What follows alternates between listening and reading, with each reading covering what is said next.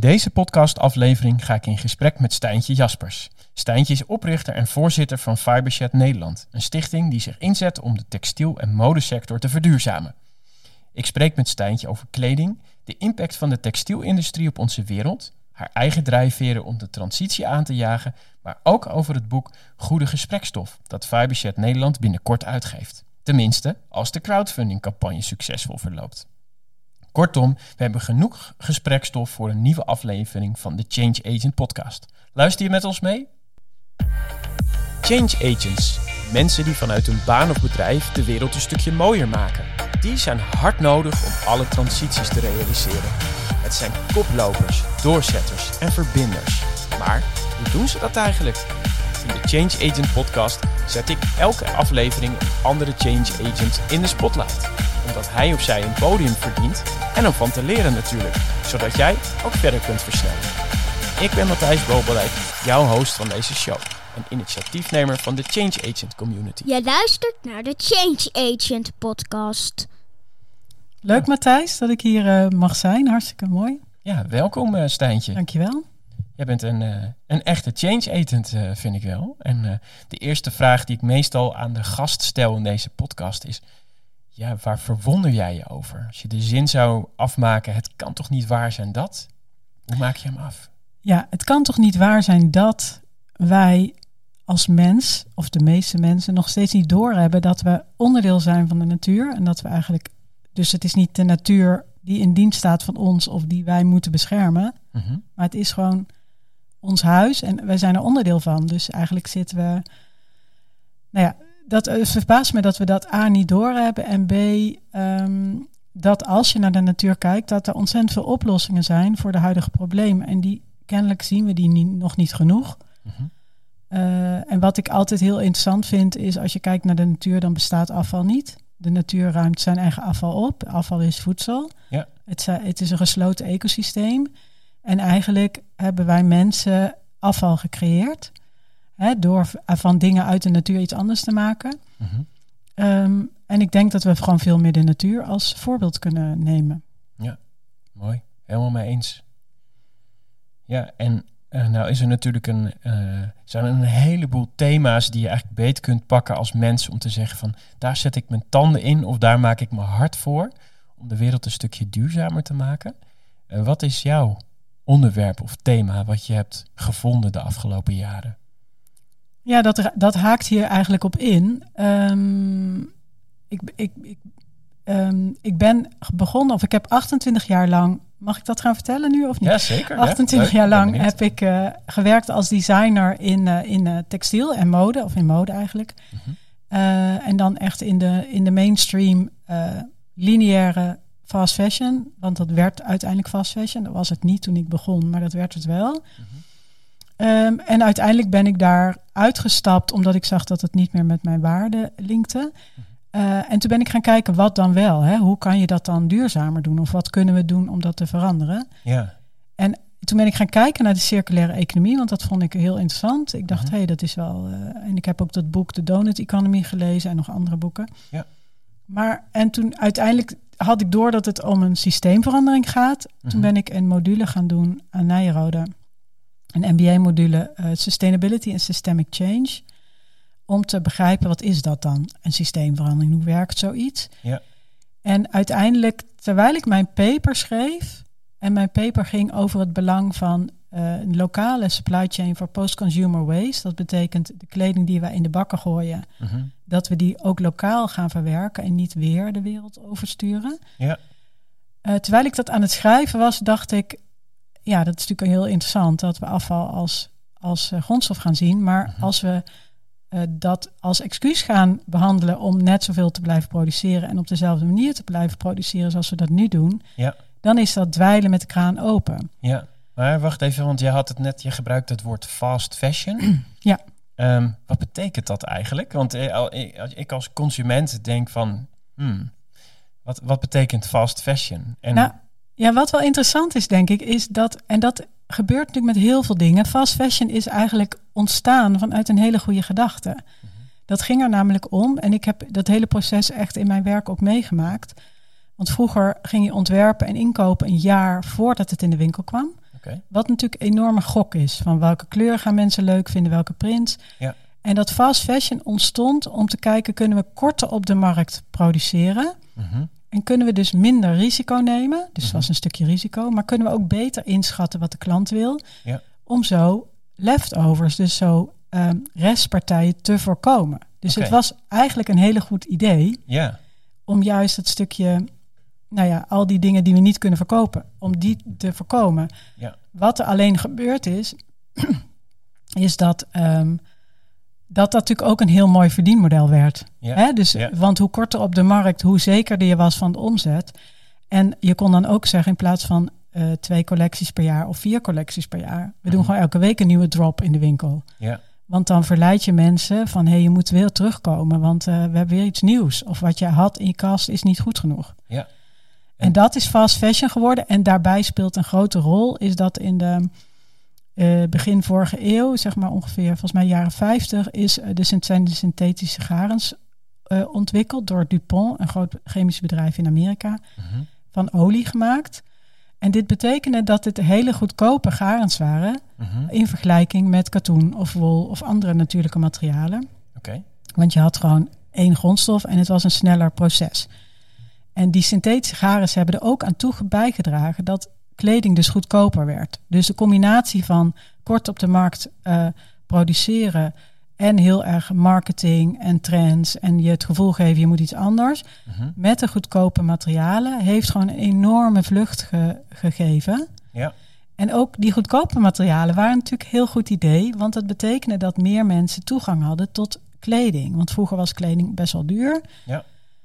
Dus ook dat kwam weer vanuit een goed idee. En Ja. ook dat is helemaal eh, geëscaleerd en verkeerd gegaan.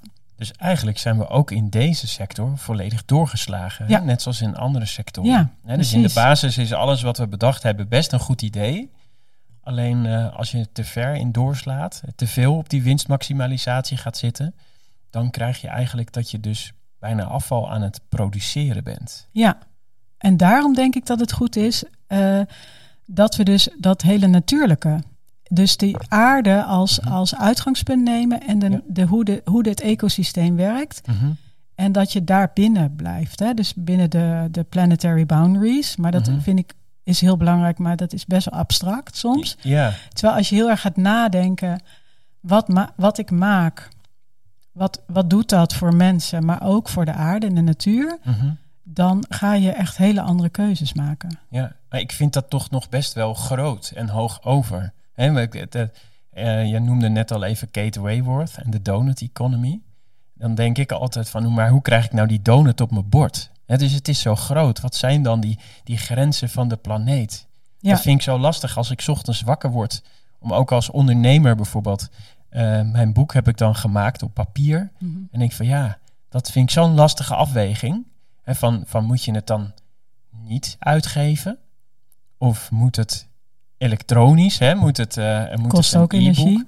Ja, dus, dus ik vind het zo lastig. En als we allemaal individueel die keuzes blijven maken, wat wij denken dat goed is en waar wij denken dat de grenzen leggen, eh, eh, liggen, als we er al over nadenken, dat is dus best wel uitdagend. Hè?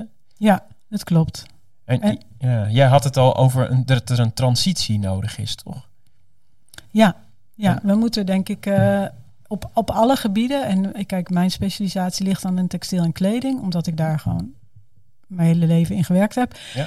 Eh, en ik het ook hele mooie producten vind en ook heel bijzonder. Ehm, maar in- op alle gebieden moeten we inderdaad op een andere manier gaan werken en gaan denken. En, ehm, en ik denk wat heel belangrijk is, is dat we niet alleen winst of geld als eh, drijfveer hebben. Mhm.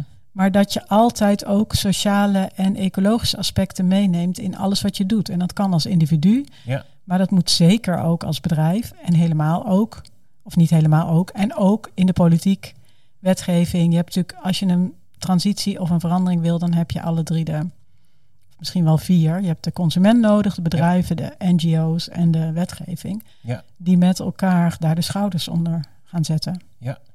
Ja, precies. En eh, eh, als je kijkt naar, naar Fiberchat eh, Nederland, waar richten jullie je dan precies op? Zit het meer aan die consumentenkant of meer aan die bedrijvenkant of allebei? allebei. En waarom we Fiberchat zijn of waarom ik onder andere medeoprichter ben geworden van Faberchat. Ik heb dat samen opgericht met Martine Nieuwenhuis, een oud collega van mij uit de lineaire verkeerde wereld. Ehm, is omdat ik toen ik die paper schreef, realiseerde ik me dus van ik wil niet, ik, we moeten aan die kraan gaan zitten. Hè? Dus Mhm. als je afval als grondstof gaat eh, gebruiken, Ja. dan, maar je doet niks aan de manier van produceren, dan is het een soort, de, ik noem het altijd de, de, de vloer dweilen met de kraan open. Dus ik dacht, we moeten aan die kraan. En ehm, mij leek het een goed idee om gewoon, wat mij betreft, per direct te stoppen met alle synthetische materialen van olie. En Zo. alleen nog maar de synthetische materialen hergebruiken die er zijn. Ja. We hebben namelijk genoeg kleding op aarde om de hele, aar- om de hele wereld voor zes jaar te kleden of zo. Hè? Dat Ja. is er gewoon al. Dus Ja, ja. en daarnaast dat we alles wat we nieuw produceren, wat we misschien wel op een gegeven moment nodig hebben, dat dat van natuurlijke materialen wordt gemaakt uit regeneratieve landbouw en op zo'n manier bewerkt en gekleurd en geverfd en ontworpen wordt dat het A heel lang meegaat, B in alle circulaire eh R-strategieën, dus eh, recyclen, upcyclen, hergebruiken, delen, et cetera. Ja. Maar dat het uiteindelijk, als er niks meer van over is, waar je er niks meer mee kan doen, Mhm. de grond weer in kan. Net als in de natuur, zodat er echt geen afval is. Dus ook niet, eh, van, weet je, we zeggen nu, we gaan polyester recyclen. Mhm. Nou, dat doen we al niet genoeg en dat kan ook niet altijd. Maar oké, dat is een goed, goed begin. Maar uiteindelijk blijven daar toch microplastics die honderden jaren in de natuur achterblijven. Ja. Dus, dus toch gewoon een probleem. Ja, oké. Dus jij En- maakt eigenlijk een onderscheid tussen, tussen eh, eh, eigenlijk kleding of textiel geproduceerd van eigenlijk van fossiele grondstoffen en van natuurlijke Ja. grondstoffen. Ja. En die, die, die keten eh, van die fossiele grondstoffen, die moeten we sluiten. En er moet niet meer bij komen. Uitfaseren, daar moeten we gewoon mee, wat ja. ons betreft mee stoppen. Gebeurt dat nu al? Of, Eh, is het, of gaat dat eigenlijk gewoon nog in hetzelfde Nee, dat tempo gebeurt- door? Dat gebeurt nog niet, helaas. Er zijn wel, wat wel interessant is, kijk, Fibershed Nederland is een onderdeel van een wereldwijd netwerk. Mhm. Het is ooit in 2012 begonnen in Amerika door Rebecca Burgess. En ehm, er zijn inmiddels 60 affiliates over de hele wereld verspreid. Dus het idee is dat, en die kijken allemaal in hun eigen bioregio of land Ja. naar wat is er en wat groeit er om textiel en kleding van te maken in een zo lokaal mogelijke waardeketen. En heel erg belangrijk is bij wat is er en groeit er dat het inheemse producten zijn die daar natuurlijk horen. Dus we gaan geen kassen neerzetten met katoen Nee. of eh, bepaalde invasieve planten die dan de boel overnemen. Want je wil ook bijdragen aan de biodiversiteit. En Ja. op inheemse planten zitten veel meer insecten en andere organismen dan op eh, invas- of eh, niet invasieve ehm, buitenlandse. Ik ben even Mhm. de naam kwijt. Ja, ja, exoten. Exoten, dankjewel. Ja, ja. Want het is zelfs zo dat op de Amerikaanse eik, die we echt al honderden jaren in Nederland hebben, volgens mij, Mhm. zit echt misschien een derde. Ik ben heel slecht in getallen, want ik ben creatief. Maar er zit echt veel minder insecten. Dat wist ik dus niet. Nee, maar nee. op de, op de Europese eik of de Nederlandse eik veel meer. Nou, dat zijn hele interessante aspecten om als je naar natuur kijkt, Ja. hoe ga ik daarmee om? Ja. Eh, en, wat, en dan is jouw vraag, hoe doen wij dat dan? Ja, want wij ja. willen dus heel graag... Stel dat je het over de hele wereld nou eens zou doen. Mhm. We zeggen niet dat in, mensen in India geen textiel meer mogen maken of in Bangladesh. Want daar Mhm. zit gewoon enorme industrie en die mensen hebben daar een inkomen in. Zouden natuurlijk wel beter betaald moeten krijgen, maar dit is een ander verhaal. Eh, maar stel dat we dat nou eens over de hele wereld zouden doen, dan zouden we en meer aanbod krijgen in natuurlijke materialen. Ja. Want al die jaren dat ik in de textiel heb gewerkt en op stoffenbeurzen kwam, waren alle nieuwe ontwikkelingen man-made en vaak van synthetische aard. Ja. Dus er, is gewoon heel weinig geïnvesteerd in natuurlijke materialen. Dus meer aanbod, maar ook meer variëteit. En dat maakt het natuurlijk super interessant. Ja. Want je krijgt gewoon allerlei soorten van natuurlijke materialen en vormen van textiel. Als je dat nou ook nog in een lokale waardeketen gaat produceren, dan kan je daarbij alle ambachten en culturele erf, heritage, ehm, Mhm. Soms weet ik het Nederlands woord niet. Nou goed, alle ambachten en culturele overdrachten die we hebben in die gebieden, kun Ja. je daarin meenemen. Dan krijgen we dus ook een waanzinnig gaaf, gevarieerd aanbod in kleding en textiel. Mhm. Wat denk ik heel mooi is eh, als, als eh, antwoord op dat nu alles één pot nat is en over de hele wereld kun je hetzelfde kopen. Exact. Wauw. Dat is het idee. En hoe we dat doen, want dat was eigenlijk jouw vraag, sorry. Ja, ja, ja. Ehm, dus wij willen heel graag, wij noemen dat de grond tot garderobe cirkel, of in het internationaal de soil to soil, of de Mhm. akker tot aarde, hoe je het wil noemen. Daar, daarin zitten allemaal spelers in die cirkel. Dus dat gaat echt van de boer via de verwerker tot garen en textiel, de ontwerper, maar ook de drager, dus wij als consument, en ook de verwerker van afval tot compost, zitten Ja. allemaal in die cirkel. En wij willen graag die cirkel sluiten. Dus wij zijn een netwerk van allemaal mensen die dit al doen. En we zijn aan het groeien eh, binnen Nederland. En we werken daarin samen eh, qua kennisdeling met Amerika. Maar qua samenwerking hebben we nu ook een Europese hub opgericht van allemaal Europese fibershed landen. Om daarin samen te werken. Dus bijvoorbeeld ehm, op wol. Er wordt heel veel wol in Nederland wordt er weggegooid. Eigenlijk in heel Europa. Wat vroeger geverwerkt werd. Maar nu is het... eh, het levert zelfs niet genoeg op om het goed te laten scheren, bij wijze van. Dus daar moet echt ook een systeemverandering in komen. Ja. En er zijn dus heel veel initiatieven die daar iets mee doen. Dus die zitten onder andere in ons netwerk. En dan samen kijken hoe kunnen we dat opschalen en wat mist er dan of wat moeten we verbeteren. Dus dat is een stukje B2B. Dus eigenlijk we helpen de pionierende bedrijven. Dus wij, Mhm. wij ondersteunen hun. Eh, daarna, daarbij doen we ook een stuk, heel groot stuk bewustwording. En dat is zowel naar de consumenten toe als naar de politiek, als naar de lineaire bedrijven of professionals. Van hey, het kan ook anders. En ik zat Exact. ooit daar, maar je kunt ook op een andere manier gaan nadenken. Mhm. Dus dat zijn eigenlijk de twee grote takken. Dus dat noemen we innovatieve projecten of bewustwordings-educatieve projecten. Ja. En dat moet eigenlijk ook hand in hand gaan. Hè? Want als je Precies. hele mooie, mooie truien maakt van Nederlandse wol. Maar die mensen weten helemaal niet waarom die. Want het is wel allemaal wat duurder, helaas nog. Ehm, of misschien ook niet, want we betalen nu gewoon te weinig voor kleding. Ja. Andere zijtak. Ehm, maar dan moeten mensen zich wel bewust zijn waarom het goed is om dat te kopen. Ja. En dat is ook de reden waarom wij nu een boek aan het schrijven zijn. Dat heet Goede Gesprekstof. Je tipte Mhm. het al heel even aan in de introductie. Zeker. Eh, en dat boek zijn we aan het schrijven om ook dit gesprek op gang te gaan brengen over textiel en kleding en de impact daarvan. Maar daar blijven we niet te lang hangen, want het gaat vooral over hoe het anders kan en dat het al gebeurt in Nederland en wat je zelf kan doen. Eh, dus het is heel erg een hoopgevend boek Mhm. dat we geschreven hebben dat mensen vanaf tien jaar het kunnen lezen. Eh, maar het is ook heel leuk voor volwassenen. Maar Ja. waarom, ik, waarom we het voor tien jaar hebben gesch- geschreven? Omdat we denken dat het belangrijk is die nieuwe generatie mee te nemen. Ja. Dit is de leeftijd waarop kinderen vaak kleedgeld krijgen. Mhm. Ze gaan naar de middelbare school. Ze moeten hun, straks hun studie kiezen of wat wil ik eigenlijk worden. Dus dat komt ook aan bod in het boek. Ja. Eh, en het is vrij korte teksten met beeld. En we stippen van alles aan. Net een Mhm. beetje zoals zij ook gewend zijn te scrollen op YouTube of op TikTok of naar andere media. Ja. En het zijn vaak van die eye-openers van, huh, oh, dat hoort er ook bij. Of, huh, heeft dat ermee te maken? Of dat wist ik niet, dat daar een samenhang tussen was. En als je dan wil verdiepen, dan verwijzen we naar de website of naar blogs. En we, we interviewen dus ook musea. Van als je er meer over weet, ga dan naar dat museum bijvoorbeeld. Dus het is. Ja, ik schrijf het in, door in gesprek te gaan met allemaal mensen. En hun verhalen schrijf ik dan weer op.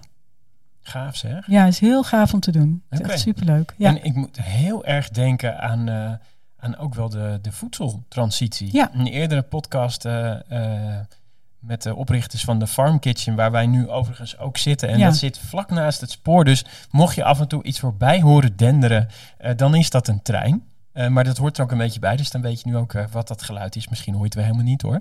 Maar Xander en Jonathan, de oprichters van Farm Kitchen, die hebben het altijd van grond tot mond. En jij hebt het eigenlijk nu over van grond tot garderobe.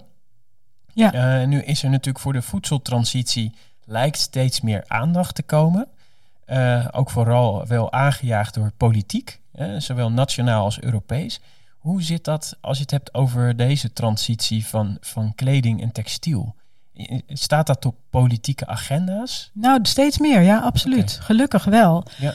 Ehm, de enige uitdaging is dat, dat, ehm, dat de politiek en eigenlijk ook het hele, alle, eh, alle investeringen en ook heel veel bedrijven zitten dus nog heel erg op die, op die circulaire economie. Ja. Wij noemen het dus ook de biocirculaire economie, waar we Mhm. volgens mij naartoe moeten, wat Ja. ons betreft. Ja. En die zitten best nog wel achteraan in de keten. Hè? Mhm, Dus het, eh, de UPV komt eraan per 1 juli. Dus dat is overmorgen wanneer is het? Ja, bijna. Ja, En dat is de uitgebreide producentenverantwoordelijkheid. En dat Ja. betekent dat alle bedrijven die textiel of kleding in Nederland verkopen, dus op de markt brengen, mhm. ook verantwoordelijk zijn voor het naverkoop, het, af, het, het, het verwerken van het afval, Mhm. tussen aanhalingstekens. Ja. Ehm, en dat gaat, dat, daar moeten ze iets voor bijdragen, dat gaat in een fonds. Dus er wordt nu heel veel aandacht besteed aan eh, hoe, kunnen we dat, eh, hoe kunnen we dat terugkrijgen, die kleding, dat mensen het niet in de prullenbak gooien, dus die textielbakken, maar het moet straks ook bij winkels teruggebracht kunnen worden. Ja. Hoe kunnen we dat sorteren? Wat gaan we ermee doen? En dat gebeurde wel al. Nederland loopt eigenlijk best wel voorop hierop. Uh, maar dat moet dus beter. En het is heel fijn dat de mensen die dus ook, zeg maar, de oneerbiedig gezegd, de troep veroorzaken, dat die ook bijdragen aan het oplossen daarvan. Dus Ja. ik denk dat dat een heel mooi systeem is. Mhm. Want hoe weet je eigenlijk dat je bijdraagt aan die troep? Dat is, klinkt misschien een beetje als een naïeve vraag, hè, maar je koopt ergens een kledingstuk. Eh, dan draag je dat een aantal jaar of een bepaalde periode. Op een gegeven moment stop je dat in zo'n kledingbak. Tenminste, dat doe ik altijd. Dat doen wij thu- thuis altijd hè, met ons gezin. En dan heb ik me eigenlijk nooit zo afgevraagd van... eh, wat, eh, wat gebeurt daar dan mee? Hè? Of, of, of zou dat dan gerecycled worden? Of gaat dat ergens naar een land? Maar tegenwoordig zie je steeds meer, ook in de media... enorme bergen kleding in de woestijn of op andere plekken liggen. Ja, ja. Hoe, kon, hoe komt dat daar dan? Wat Dragen wij daar ook aan bij? Eh, kun je daar iets over deels wel, maar, no, ik, maar Nederland is redelijk goed in het sorteren. Dus eigenlijk denk ik, eh, jij zei net al iets heel interessants, dan draag je dat een paar jaar. ja, Dat doen dus heel veel mensen niet. oké. Dus je draagt ook heel erg bij in de troep als je dingen koopt, maar voor heel kort. Ja. En dat is wat die fast fashion doet. Hè. Die fast fashion is natuurlijk snel verkopen, maar ook heel snel wisselen in je kast. Exact. En dingen kopen voor één avond. Want als je een, een, een t-shirtje koopt bij Shein, wat echt de aller, aller, aller slechtste plek is om je kleding te kopen. Dus onthoud dit allemaal. of Primark of dat soort bedrijven. Ja, Ehm, kan er nog een paar noemen. Dan betaal je soms 3 euro voor een t-shirt. Come Mhm. on. Dat weet je, dat kan nooit nee. goed zijn. Dat iemand, heeft, iemand anders heeft die kosten betaald. Ja. Hè, ver weg. Ja. En, maar dat gevoel, omdat je er maar 3 euro voor ko betaalt Mhm. en je ook weet, oh ja, er is een bak, daar kan ik het in doen. Dus het is ook nog een soort sussen van je geweten. Ja. Dan heeft kleding dus ook geen waarde meer voor jou. Het is bijna een soort weg. Ik bedoel, het kost net zoveel als een kop koffie op een terras Ja. in Amsterdam. Ja. Of whatever. Of bij de Starbucks. Hè? Dus ik mag misschien helemaal geen namen noemen. Oh, nee, Oké. eh, vast helemaal Eh, goed. Ehm, maar dus, eh, dus dat is denk ik, het ligt eraan hoe vaak je iets wegdoet en hoe lang Mhm. je iets draagt. Dus Ja. hoe, eigenlijk is het allerbeste om heel lang met je spullen te doen. Ja. En dat je het dan eerst nog uitleent of, of eh, doorverkoopt of vindt het ook soms. Als dat een excuus is om iets nieuws te kopen, dan werkt dat natuurlijk ook niet helemaal. Maar goed, maar al- in een bak doen is sowieso altijd beter dan in de, in de vuilnisbak gooien. Ja, precies. Dus je gooit het in een bak. Dan gaat het naar verschillende sorteerbedrijven in Nederland. Daar zijn we best wel goed in. Daar wordt er gekeken wat is nog geschikt voor tweedehandsmarkt in Nederland of in Europa. Dan wat is geschikt voor een tweedehandsmarkt in Oost-Europa. En dan wat is geschikt voor een tweedehandsmarkt in Afrika bijvoorbeeld. En Ja. dan komen we bij dat probleem in Ghana onder andere. Mhm. Ehm, en wat is niet meer geschikt voor de tweedehandsmarkt? En dat gaat dan op een stapel om te recyclen tot nieuwe garens. Dus het wordt zo gesorteerd. Ja. Alleen aan de achterkant om het echt te recyclen tot nieuwe garens, dat, dat begint nu te komen en dat Mhm. gebeurt best wel. Alleen er is meer aanbod dan dat we dat nu kunnen doen. Mhm. Eh, en wat een hele grote rol speelt, is dat de kleding. Want ik heb ook met allerlei van dit soort bedrijven gesproken, onder andere in Zaandam met Wieland Textiles. Mhm. Ehm, die zegt ook: wij zien in de loop van de jaren dat de kwaliteit die wij in de bakken krijgen, dus de kleding, steeds slechter wordt. Ja. En dat is ook het probleem wat bijvoorbeeld in Afrika op die op die Guantanamo Bay, of nee, Guantanamo Bay is iets anders. Nou goed, die Ja, markt Ja, in ja. Ghana. Ja, ja. Ehm, het probleem is, die mensen die kopen dan zo'n hele grote baal. Mhm. Die marktmensen daar. En die weten niet wat erin zit. En die maken dat open. En nu zitten er steeds meer, eh, zitten steeds meer producten in die zij niet kunnen verkopen. Ja. En wat er dan gebeurt is dat dat inderdaad in de achtertuin wordt verbrand of op een vuilnisbelt of op het strand wordt gedumpt. Ja. Nu heb ik me laten vertellen door verschillende sorteerders en bedrijven in Nederland dat zij wel heel kritisch kijken naar wat gaat er naar Afrika. Ja. Of wat gaat er naar een ander land. Dus we doen geen lange broeken voor eh, hele warme landen. We doen geen winterjassen daar naartoe. Ehm, dus er wordt gezegd dat bijvoorbeeld die, die, die woestijn in Chili, dat daar waarschijnlijk heel weinig kleding uit Nederland in ligt. Ja. Maar dat is natuurlijk geen reden, want het is gewoon wel een probleem. Als wij daar nou wel of niet aan bijdragen. Exact. Dus dat systeem mag nog beter. Maar het is heel goed om het in een bak te doen of naar de kringloop te brengen of whatever. Je mag het nooit, nooit in de vuilnisbak doen. Oké. En dit soort dingen komen dan ook in, eh, Ja. in jullie boek terug? Ja. Ja. Ja, dat komt ook in ons boek terug. En de, de uitleg van hoe je met je eigen kleding om kan gaan. Ik kan me ook wel voorstellen, dit gaat niet alleen over fast fashion, maar dit gaat eigenlijk hoe wij in onze welvarende eh, westerse landen ook leven. Hè, want, Ja. want op het moment dat eh, iemand heeft mij ooit een keer een aantal jaren geleden bewust gemaakt over het gebruik van een plastic dekseltje op een bekertje. We waren ergens onderweg naartoe. Toen zei hij, goh Matthijs, waarom gebruik je dat dekseltje eigenlijk? Dacht ik, ja, dat is een goede vraag. Toen zei hij, ben je bang dat je koffie koud wordt? Ik dacht, nee, ik drink het in één keer op. Ehm, ben je bang dat je het over je heen krijgt? Nee, was het ook niet. En toen dacht ik, god, dat is een gewoonte. En dat is helemaal niet nodig. Vanaf dat moment heb ik het echt laten liggen. En Ja. eh, naarmate je met steeds meer mensen in contact komt die dus echt op deze manier kijken en denken, wordt het steeds duidelijker. Hè? Van, van, oh maar wacht even, dit is allemaal wegwerp. Ja, precies. En, en dat is denk ik ook wat jullie met dat boek ook eh, voor, vooral be- Ja. beogen. Hè? Om, om dat gesprek en die manier van denken, om die aan te jagen, op Ja. gang te brengen. Ja, precies. Ja. En, en ook, en ook ehm, kijk, want ik denk dat heel veel mensen nu wel weten dat tweedehands beter is en dat je lang met je kleding moet doen. Tenminste, Mhm. dat hoop ik, dat heel veel mensen het weten. Maar waar we het ook over hebben, en dat te zeggen wat jij vertelt met dat dekseltje. Mhm, Je kunt dus ook reviews, hè, dat staat bovenaan de ladder, mhm, weigeren of bedenken, ik wil dit gewoon helemaal niet kopen. exact. Dus we leggen ook uit dat je echt als consument, dus ook als tiener met eh, je kleedgeld, heb je impact. Je hebt een keus waar Ja. je je geld aan uitgeeft.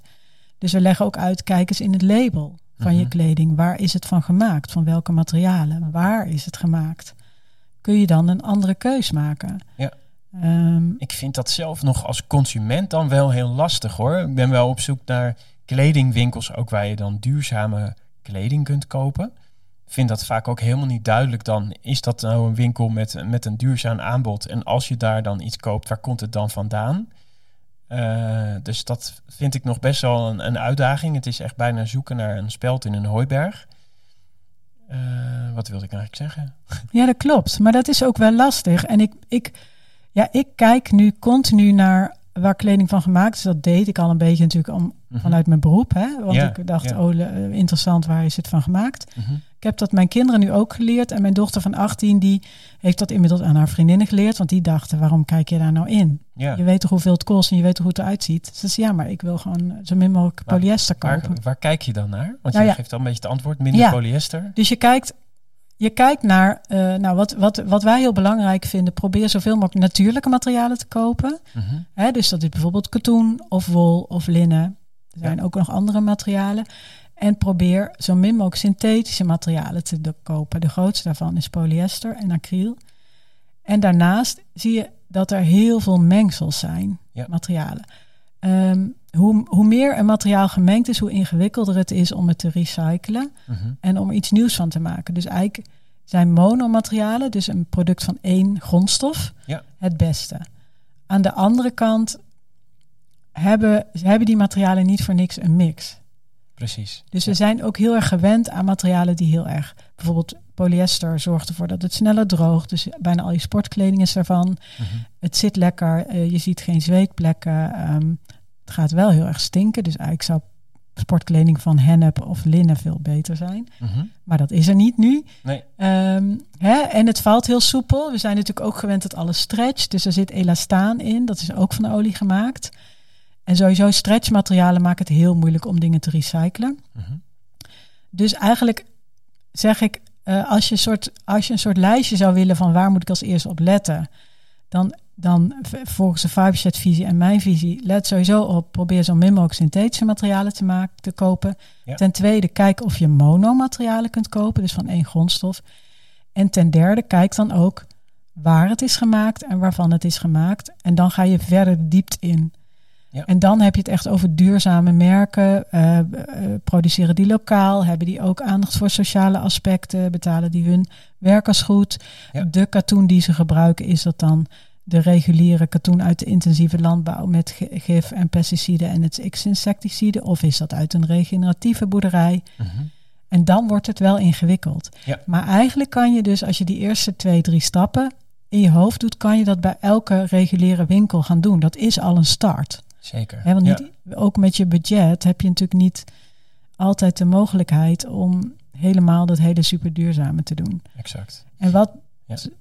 Sorry, en er komt een wet aan. Ja. Dat vind ik wel goed vanuit de Europese Unie. Mhm. Dat heet de PEF, de Product Environmental Footprint. Mhm. En dat is een beetje zoals een Nutri-score bij, bij eh, voeding op je, in de supermarkt. Ja. Dat je ook denkt, ja, wat is nou gezond? Precies. Dat is lastig. Mooi, Dan moet je de ingrediënten gaan lezen. Dus wat is nou duurzaam? En er- er is dus de bedoeling dat er een label komt waarop dat heel duidelijk komt voor de consument. Het enige is dat eh, de PEF zoals die er nu ligt, en daar zijn, dus heel, zijn wij onder andere ook helemaal in protest tegen maar ook een aantal landen, bijvoorbeeld Noorwegen heeft het meteen geblokt. Mhm. Dus, op, ze zijn opnieuw naar de tekentafel, omdat ze heel erg vanuit een bepaald HIC-index, nou, dat is een beetje technisch, Mhm. maar in ieder geval in de PEF kwam het eruit dat een recycled polyester t-shirtje van 5 euro uit Bangladesh Mhm. beter voor het milieu zou zijn Mhm. dan een Ho- Hollands wollen trui in Nederland van een Nederlands schaap in Nederland gebreid. Nou, als je gezond na. Ja. als je gewoon normaal nadenkt, dan Ja. klopt dat niet, toch? Nee, gaat er ergens iets mis. Precies. Ja. Dus en dat, dat is gebaseerd op allemaal life cycle analysis. En daar zijn een aantal dingen mis in. Dan ga ik nu, zou ik nu niet heel erg in diepte gaan. Ja. Maar daar zijn dus onder andere, en dat is dus onder andere wat Fiberchat ook doet samen Mhm. met een aantal andere organisaties. Van hallo, dit klopt niet. Ja. Super dat jullie dit gaan doen. Mhm. Maar laten we het dan wel goed doen. Want dat is gewoon het ingewikkelde nu. Mhm. Als consument is het best wel lastig. En er is nu ook een wet aangenomen in Nederland die greenwashing tegen moet gaan. Mhm. En greenwashing is eigenlijk wat nu heel veel merken doen, want het is hip om duurzaam te zijn, Ja. circulair, we moeten er allemaal iets mee doen. Dus iedereen eh, gooit wat op de etalages of op hun labels of in de reclame, maar de, meestal klopt er helemaal niks van. Nee, Dus er komt nu ook een wet aan dat dat dus niet meer mag. exact. Want, Ik ja, vind het best wel gaaf wat jij doet. En, en, en, en, en, om verschillende redenen. Zeg maar één, je bent inhoudelijk heel erg goed op de hoogte van wat er speelt. Maar wat ik, wat ik zo mooi vind aan, aan wat jij doet, is dat jij bent eigenlijk ook maar in je eentje. Net zoals we allemaal in ons eentje zijn. En dan kun je je afvragen van welke impact kan ik maken. Maar ja, het lijkt dat je op verschillende borden aan het schaken bent. Hè? Dus heel erg nadenken vanuit die systeemverandering. Van waar moet ik dan, waar kan ik dan de grootste impact maken? Hè, dus kennelijk het, het, eh, eh, leveren jullie een bijdrage aan die gesprekken over, over die wet, eh, Mhm. die er Ja. wel of niet komt, of wel of niet goed in elkaar zit. En een stukje bewustwording via dat boek. Ja. Hoe, hoe ben jij in deze rol terechtgekomen? Kun je iets vertellen over, want je zei, ik kom zelf eigenlijk ook uit die fast fashion. Dus is er een soort aanwijsbaar moment geweest dat, dat je voor jezelf dacht, en nu is het genoeg? Ehm, ja, niet misschien één. Ja, er zijn een aantal momenten geweest, maar niet per se één moment. Maar wat het is. eh, ik, heb, ik heb me gerealiseerd op een gegeven moment. Ehm, nee, ik noem even Rana Plaza. 2013, de fabrieken stortten in in Bangladesh. Ik denk dat iedereen dat weet. Ja. Afschuwelijke, veel doden. Mensen wilden ook helemaal niet gaan werken, want ze, ze zagen al dat het niet goed was. En de Mhm. kantoren beneden, die mensen hoefden niet te werken. Maar die fabrieksarbeiders werden gewoon gedwongen dat gebouw in te gaan. Mhm. Met alle gevolgen van dien. Echt schandalig. Daar schrokken wij van. Maar Mhm. ik schrok er ook niet zo erg van. Want ik was heel vaak in dat soort fabrieken geweest. En je zag gewoon van ja, dit is best wel linker soep hier. Ja. Hè? Ehm, maar waar ik heel erg van schrok is hoe mensen in, in de bedrijven waar ik toen werkte en mee sprak en collega's daarop reageerden. Mhm. En dat, je bijna, dat ze bijna de verantwoordelijkheid niet wilden nemen. En, want er kwam toen een, eh, een convenant om te zorgen voor meer veiligheid eh, in de gebouwen. Ja, maar ik, wij waren niet in die fabriek. Of, eh, dacht ik, ja, maar wij doen wel mee in het systeem. Dus volgens mij is dit een eye-opener. Moeten we nu gewoon verantwoordelijkheid gaan nemen. Dit moet gewoon anders. En toen dacht ik wel, oh my god, ik verdien hier dus mijn geld. En ik werk hier, want het is heel leuk werken, maar echt Ja. pokhard werken. Dus ik werk hier soort 24-7. Ik zie mijn kinderen bijna niet. Om, om de wereld vervuilender te maken. Want inmiddels was ik ook achter wat voor impact textiel en kleding had. Wat je Ja. eigenlijk soort misschien niet helemaal weet of niet wil zien als je er middenin zit. Mhm. En eh, ik doe nog mee aan dit soort mensonerende dingen. Ja. Dus toen ging ik daar wel heel, dat was wel voor mij een soort aanjager. En toen ben ik ook dat soort boeken gaan lezen, als de Mhm. Donut Economy Ja. en Blue Economy en nog andere verhalen, andere boeken. En de film eh, The True eh, Price Ja. gezien, waar ik een soort huilend in de bioscoop zat, dat ik dacht, ik werk hier dus in. Ja. Ik doe hier dus aan mee. Ja. Ehm, dus dat, toen ging het, maar ja, het is best lastig. Je hebt een leuke baan, je hebt leuke collega's. Ehm, ik vond mijn klantengroep heel leuk. Ik ben altijd heel erg gedreven dat ik iets goed wil doen. Dus dan wil je ook niet zomaar je handen eraf trekken. En laten we eerlijk wezen, het is ook je inkomen. En Ja. je, hypotheek moet je betalen, je hebt kinderen, enzovoort, enzovoort. Ja. Dus het, voor mij, en dat is ook never waste a good crisis, zegt iedereen. Ja. Op een gegeven moment ging het bedrijf waar ik werkte, ging failliet. Ja. En toen dacht ik, en ik hoorde dat op mijn vakantie, dus ik moest mijn hele team bellen. En toen dacht ik, oké, volgens mij is dit het zandspad naast de snelweg waar Ja. ik, die ik nu ga nemen. Ik ga, want er kwam een doorstart en toen heb ik gezegd, ik wil niet mee in die doorstart. Ja. Ik dacht, nee, oké, volgens mij is dit mijn cue. ja, nu moet ik gaan. Nu moet ik Ja, gaan. Dus dat heb ik gedaan. En dan kost het natuurlijk best wel even tijd om daar. Dus het is niet dat ik dan meteen de volgende dag dacht: oh ja, leuk, Fireshed, dit ga ik doen. Nee. Dat heeft echt wel een paar jaar geduurd. Want ik, ik, ik werd eigenlijk ook, kwam ook in een soort van burn-out, in een soort existentiële crisis. Dat ik op feestjes dacht: oh, ik ben eigenlijk niemand meer, want ik doe helemaal geen leuk werk of ik doe niks. Weet je wel? Dat was ook even zoeken naar de balans. Ja. En wat vind ik nou echt belangrijk in het leven enzovoort. Dus ik heb toen allerlei trajecten en dingen gedaan en mezelf heel veel geleerd. En uiteindelijk ben ik hier dus terechtgekomen, eigenlijk wat ik net al een beetje vertelde. En dit, dit, dit klopt gewoon. Want eigenlijk ben ik me gaan realiseren, ik ben opgegroeid op een boerderij. Mhm. We hadden niet, eh, we waren geen boerenbedrijf, maar wel binnen de, bij de, op een boerderij met wel eigen kippen en schapen, et cetera. Mhm. Mijn moeder die ehm, ehm, spon eigen wol, dat verfde ze met paardenbloemen en uienschillen en weet ik veel wat. Ja. En ze maakte zelf wandkleden en ze breide onze eigen kleding. En ze na, we na, ik naaide al mijn kleding, vroeger ook. Eh, we maakten zelf jam. Dus eigenlijk waren, was ik, kom ik dus uit een nest met heel erg de natuur en natuurlijke materialen en goed nadenken over de, over de wereld en sociaal en, enzovoort. Ja. En dat ben ik ergens kwijtgeraakt. Want dan kom je in die modewereld en dan ga je over de hele wereld shoppen. En je mag naar beurzen. En je bent drie keer per jaar in New York. En de meest hippe restaurants. En dat is natuurlijk super gaaf. Mhm. Dus ergens raak je dat kwijt. Ja. En toen ik er dus uitstapte, toen dacht ik... Huh, maar dit ben ik eigenlijk veel meer dan dat. Ja. Oh. Dus toen ben ik ook gestopt gelijk met nieuwe kleren kopen. Dus ik heb nu al zes jaar geen nieuwe kleren gekocht. Eh, en dat, dat roep ik altijd gelijk bij. Dat is heel makkelijk bij mij, want ik heb echt belachelijk veel, kle- veel kleding. Inmiddels geef ik ook heel veel weg en zo. Ja. Eh, maar het is echt die, die, die mindset verandering. Ik kan ook niet meer terug. Ik word bijna onpasselijk als ik door de winkelstraat loop. Ja. Echt, ik moet gewoon bijna, ik voel het bijna fysiek. Ja. Zo. Jeetje. Ja, Hele reis. ja, Ja. ja. En, en de reis brengt nu eigenlijk bij jullie bij het volgende station het boek natuurlijk. Mhm. Dus daar hadden we het net al even over. Dat, eh, dat zijn jullie nu aan het maken. Dat is bijna klaar. Hè? Dat zijn Ja. gesprekken die, die je vooral hebt gevoerd met allerlei mensen uit de, Ja. uit de industrie. ja. Ehm, en daar zijn een crowdfunding campagne voor aan het voeren. In ieder geval op het moment dat wij deze podcast opnemen. Het kan Ja. heel goed zijn eh, dat als je deze podcast luistert, dat die campagne al lang voorbij is. Hopelijk is er Eh, dan het boek. Precies, precies. Ja, ja, ja. Eh, het is dus vooral geschreven, zeg maar, voor eh, vanaf jongeren vanaf tien jaar. Ja. Ehm, Maar ik heb het wel echt zo geschreven. Het is geen kinderboek, het zijn geen kindertaal. Nee. We gebruiken ook gewoon woorden die we, maar die worden dan nog wel uitgelegd. Ja. Ehm, Ja, ik denk, ik denk zelf, want ik heb er zelf, zelfs ik, die dus eigenlijk best wel al wel veel weet uit de textiel- en mode-industrie en ook vanuit het circulaire en biocirculaire en regeneratieve. Ja. Ik zelf heb er nog van geleerd door gesprekken te hebben met die mensen. Ja, dat Dus ik denk dat het voor iedereen gewoon een super gaaf boek is. Ja. En het wordt ook heel leuk vormgegeven door Jacqueline Elig.